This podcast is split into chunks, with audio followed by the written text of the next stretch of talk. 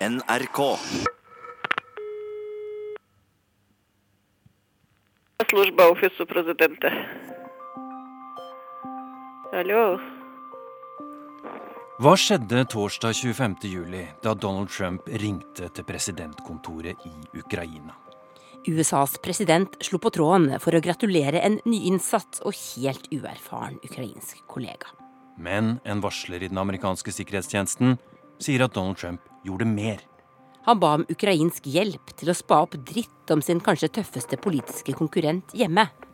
Åtte ganger ba han om hjelp. Og han holdt igjen penger fra USA til Ukraina hvis mannen i den andre enden ikke gjorde som han sa. Stemmer dette? Og hvis det stemmer, hvorfor er det drøyere enn det meste annet som foregår? Krig og fred med Tove Bjørgaas og Tore Moland.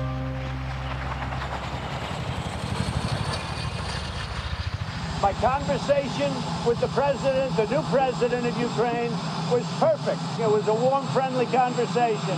There was no quid pro quo. There was nothing. It was a perfect conversation. Mr. President, will you bring up, will you bring up Joe Biden? Jeg heter Anders Magnus. Jeg er eh, korrespondent for NRK i USA og Amerika. We don't want our people like Vice President Biden and his son creating to the, the corruption already in the Ukraine. Anders Magnus, vi har så vidt fått tilgang til uh, utskriften av samtalen mellom de to presidentene. Stemmer dette overens med hva Donald Trump sjøl har forklart om samtalen? I hans hode så gjør det nok det. Han sa at dette var en perfekt samtale og ingenting som var utilbørlig. Men hva Trump selv mener er utilbørlig, og hva andre mener er utilbørlig, det er to helt forskjellige ting. Trump har jo ofte en uh, virkelighetsoppfatning som uh, er langt ifra det uh, andre har. Både andre republikanere, men spesielt selvfølgelig hans politiske motstandere i Det demokratiske partiet. Hva i denne samtalen er det kritikerne kommer til å mene er et utilbørlig press, Anders? Det kritikerne kommer til å peke på er et utilbørlig press, er at han nevner eh, å få hjelp eh, til å etterforske Biden og sønnen Hunter eh, for korrupsjon, samtidig som han har snakket om hvor mye USA hjelper, og at det i denne situasjonen er holdt tilbake penger, militærhjelp, til Ukraina. Noe Ukrainas president er veldig klar over og veldig bekymret for. Og president Zelenskyj sier jo til Trump også at ja, ja, vi skal hjelpe dere med etterforske Biden-familien. Så, så det er nok dette de kommer til å legge mest vekt på. Så man kan faktisk høre i samtalen at Zelenskyj på sett og vis gir etter for presset fra Donald Trump her? Vi kan ikke høre det, for det er ikke noe, det er ikke noe lydlig gjengivelse her. Dette er en utskrift som er basert på referater fra fire som transkriberer samtalen mens den pågår. og Så sammenligner de notater, og så skriver de ut samtalen etterpå. Så vidt jeg vet, så finnes det ikke noe opptak av selve samtalen. Bare disse transkripsjonene som er gjort i situasjonsrommet i Det hvite hus når det samtales med utenlandske statsledere. This appears to be an overwhelming abuse of power. To get on the phone with a foreign leader who is looking for help from the United States and ask about me and imply things if that's what happened. Joe Biden drev valgkamp i Iowa da saken sprakk. Den tidligere visepresidenten til Obama forsøker å bli demokratenes presidentkandidat til neste år. Jeg vet hvem jeg står overfor. En som misbruker sin makt gang på gang. Men nå har han krysset en grense, sa Biden. Joe Biden forsøker nå å forsvare seg så godt han kan, men det kan bli vanskelig. For her kommer det opp uh, stadig nye ting som ikke ser så bra ut for Joe Biden. Det som uh, hendte uh, i 2014 var jo at sønnen hans fikk jobb som styremedlem i et ukrainsk gasselskap, samtidig som faren var visepresident og hadde veldig mye med ukrainske myndigheter å gjøre. Og denne sønnen, han, at han skulle få den jobben, var jo veldig eh, overraskende. Han hadde nettopp blitt sparket ut av marinen pga. kokainmisbruk. Men så fikk han altså en, en, et styrevær her som betalte han veldig mye penger. 50 000 dollar i måneden. Så mange lurer på hvordan i all verden klarte han å få den jobben. Og så hadde, hadde Ukraina akkurat da pågående en etterforskning mot nettopp det firmaet som Hunter Biden ble styremedlem i, for korrupsjon. Og riksadvokaten på den tiden han altså holdt på med denne etterforskningen. The prosecutor, Viktor Shokin, failed to crack down on corruption in Ukraine. Viktor Sjukin var riksadvokat i Ukraina, men ble beskyldt for å gjøre for lite for å bekjempe korrupsjon. Og for selv å være korrupt. If the prosecutor's not fired, you're not getting the money. Oh, son of a bitch. You're fired. Joe Biden har skrytt høylytt av hvordan han holdt tilbake amerikanske penger og fikk den korrupte ukrainske riksadvokaten sparka i 2016. I found out this incredible story about Joe Biden. Men nå sier Trumps advokat, Rudy Giuliani, at det hele er skandale, og at Viktor Sjukin fikk sparken ikke fordi han var korrupt, men fordi han gransket Joe Bidens sønn. That is an astounding. Og nå mener jo da eh, Trump på hans side at eh, dette var den reelle korrupsjonen, fordi Biden brukte altså eh, amerikanske lånegarantier for å presse ut en mann som etter sigende skulle være i gang med å etterforske firmaet hvor sønnen hans jobbet. Så dette er, ser jo ikke pent ut for Biden heller, og kommer nok til å bli et problem for han i denne valgkampen. Og har foreløpig ledet på meningsmålingene. Så Trump har nok sett på han som en viktig eh, politisk opponent.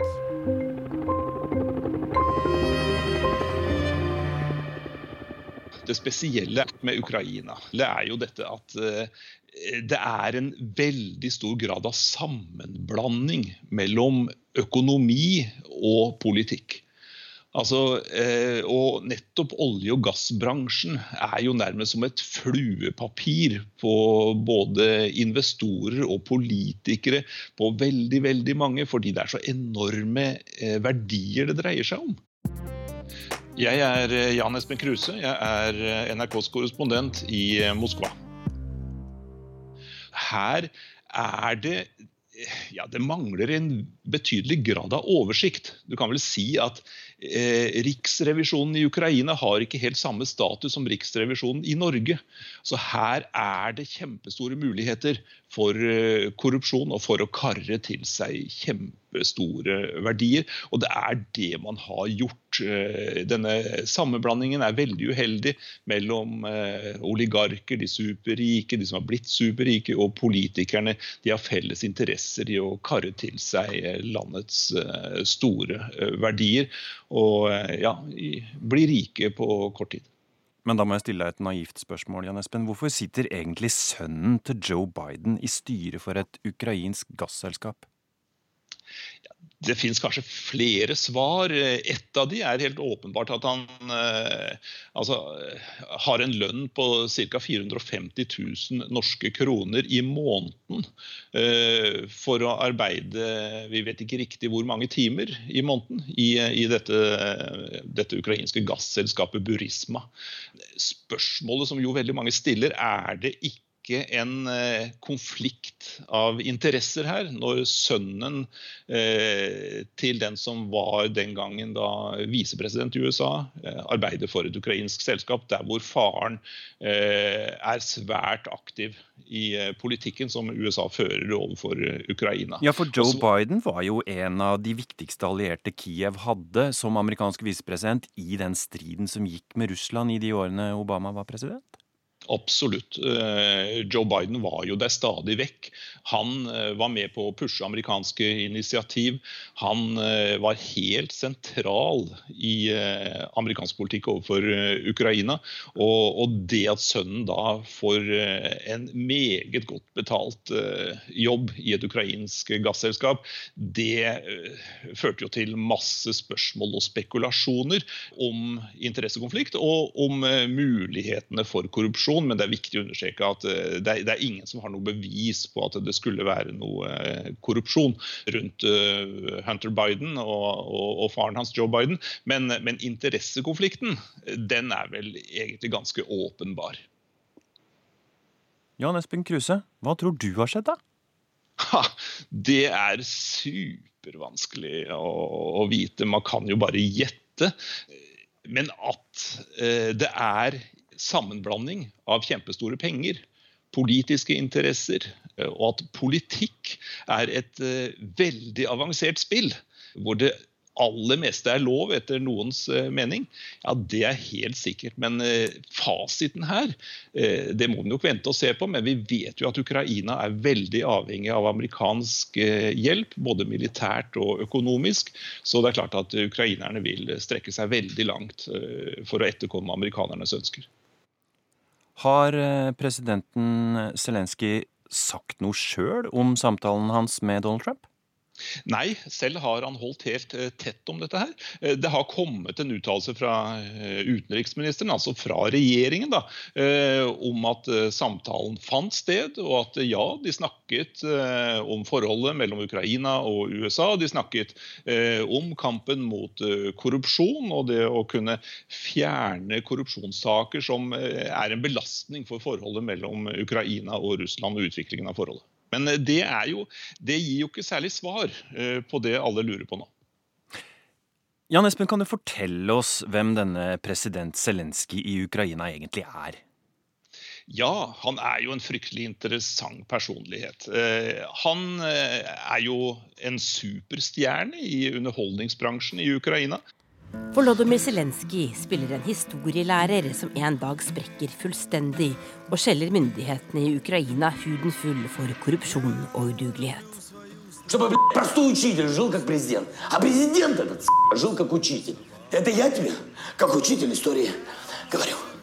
Folkets tjener heter den ukrainske TV-serien, der den engasjerte og rettskafne historielæreren plutselig selv ender opp som Ukrainas president. Men det slutter ikke der. I april i år ble showets stjerne, Volodymyr Zelenskyj, valgt til president i Ukraina på ordentlig. Volodymyr Zelenskyj, волею народа обраний президентом України. Hans eneste politiske erfaring å ha spilt president på TV. Hans eneste politiske sak å rydde opp i korrupsjonen. Ja, hvordan var det å være i Ukraina da Zelenskyj faktisk ble valgt president på ekte, da, Jan Espen? Det var en veldig spesiell opplevelse fordi at eh, de aller fleste av de menneskene jeg snakket med, de ukrainerne jeg snakket med, de sa jo eh, rett ut at vi For oss er det én ting som er viktig. Det er at eh, ingen fra det etablerte politiske liv, fra de eh, etablerte politiske partiene, kommer til makten igjen. Nå er vi så møkka lei av korrupsjon, av vanstyre, av elendige lønninger, elendige pensjoner. Eh, nå må vi slippe noen andre til. Det spiller ingen rolle om de som slipper til, ikke har politisk erfaring i det hele tatt. Det er nærmest en fordel, sa ukrainerne. Eh, det er de vi vil ha, for det kan ikke bli verre for oss vanlige folk enn det er nå, sa de i valgkampen. Og Derfor gikk så mange inn for å stemme på eh, president Zelenskyj og hans eh, parti, da, Folkets tjener. Понятно, а выбирать-то не из, из двух пи***расов. Выбираем меньше. И так 25 лет подряд. Ты знаешь, что интересно? В этот раз ничего не поменяется. Знаешь почему? Потому что ты мой Hva tenker du om at verden en uke høsten 2019 domineres av en telefonsamtale mellom en uh, TV-kjendispresident i USA og en TV-kjendispresident i Ukraina? Ja, de har jo litt felles eh, fra, i bakgrunn. Så eh, det er jo en, en pussig situasjon. Men det, det, den som er mest overrasket, er nok eh, den ukrainske presidenten Zelenskyj. Han eh, hadde nok ikke ventet at eh, det som i utgangspunktet var en gratulasjonstelefon fra den amerikanske kollegaen hans, at det skulle ende opp i, en eh, kjempestor, potensiell kjempestor politisk skandale. Eh, og, og eh, det viser vel at ja, uerfarenhet kan være bra, men litt erfaring i politikken kan nok også være en fordel. Men begge disse to er jo relativt uerfarne politikere. Så ting skjer rundt dem hele tiden, og det skjer ting som de ikke helt har kontroll over sjøl.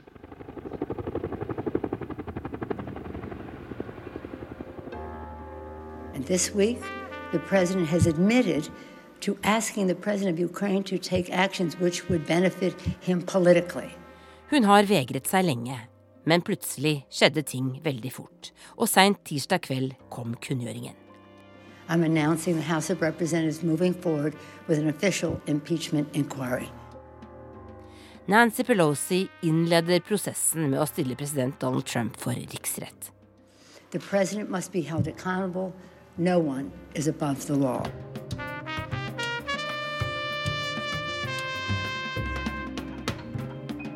Men herregud, det her er jo svært. Hva er... skjer nå, Tove? Det eh, vet jeg ikke. Men det er svært. Eh, dette er jo mye større enn de sakene som har vært Den russlandsetterforskningen som de holdt på med i månedsvis, årevis. Og det som har skjedd nå på et par dager, at lederen i Representantenes hus har snudd i spørsmålet om riksrett, det viser hvor, hvor, alvorlig denne saken eh, er. Men hvorfor er denne saken så alvorlig? Hvorfor er det her drøyere enn noe som har skjedd før? Fordi en president kan ha bedt en fremmed makt om å hjelpe ham politisk på hjemmebane. Forklar oss hvorfor det er så drøyt. Fordi eh, nå har det jo kommet ganske mye detaljer fram rundt det som skal ha skjedd i denne telefonsamtalen. Eh, vi snakket innledningsvis om at Trump åtte ganger skal ha bedt Zelenskyj om hjelp. Og at det han skal ha bedt om hjelp til, er altså å få etterforsket sønnen til Joe Biden, som i alle meningsmålinger i USA er den som slår Donald Trump dersom det hadde vært presidentvalg i dag. Eh, og, og, akkurat det å skulle da søke en fremmed makts hjelp til å skaffe seg selv gevinst på hjemmebane, det er noe amerikanske politikere også mener er eh, setter amerikansk sikkerhet i fare, rett og slett. Fordi man da på en måte innleder kanskje et forhold til et annet land som man må betale tilbake for på et eller annet tidspunkt. Det er svært problematisk. Men du Tove, du har jo en teori du, om at Donald Trump har fått ideen til det her fra et TV-intervju? Ja, altså det, det, skrives så mye i amerikanske medier nå. Eh, og 13. juni så ble Donald Trump intervjuet av eh, George Stephanopoulos av alle mennesker eh, i ABC News. Noen husker kanskje George Stephanopoulos som også jobbet for Bill Clinton i sin tid som hans pressesekretær. Han er i dag en talkshow-vert i USA. Og da ble han spurt hva, om hva han ville gjøre dersom et annet land tilbød ham dritt om en av hans motstandere. Og da sa Trump at at det skader vel ikke å lytte til den dritten som han eventuelt ville dukke opp. Your campaign this time around, if foreigners, if Russia, if China, if someone else offers you information on an opponent, should they accept it or should they call the FBI? I think maybe you do both. I think you might want to listen. I don't, there's nothing wrong with listening. If somebody called from a country, Norway, we have information on your opponent. Oh, I think I'd want to hear it. You want that kind of interference in our elections? It's not an interference. They have information. I think I'd take it. Anders Magnus, vår korrespondent i USA. Kommer det til å bli en riksrettssak mot Donald Trump, og kommer han til å bli dømt? Jeg tror ikke han kommer til å bli dømt. Og jeg tror kanskje ikke det blir noe sak heller, for Senatet kan velge å avvise saken og si at dette er eh, noe vi ikke ønsker å ta opp. Og de har jo flertall, republikanerne, i Senatet. Hvis det blir sak, så skal høyesterettsjustitiarius uh, være uh, overdommer, så å si, i saken. Men det er Senatet som skal være jury og dommer.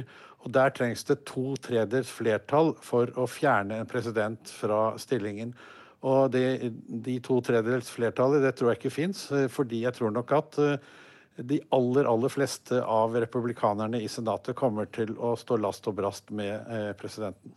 Og hva blir da den historiske betydningen av telefonsamtalen mellom Donald Trump og Vladimir Zelenskyj når historien en gang i framtida skal skrives? Den blir nok en omdreining i den krigen, den politiske krigen som pågår i USA nå, med sterk splittelse og en stadig bitrere valgkamp mellom demokratene og eh, Donald Trump. Mange mennesker må nok finne ut av hvem de tror på. Eh, er det, hvem er det som har gjort mest galt her? Er det Biden? Er det Trump? Og, eh, og så velge hvem de skal støtte ut ifra det. Uh, just so you understand, it's the single greatest witch hunt in American history, probably in history, but in American history, it's a disgraceful thing. There was no pressure.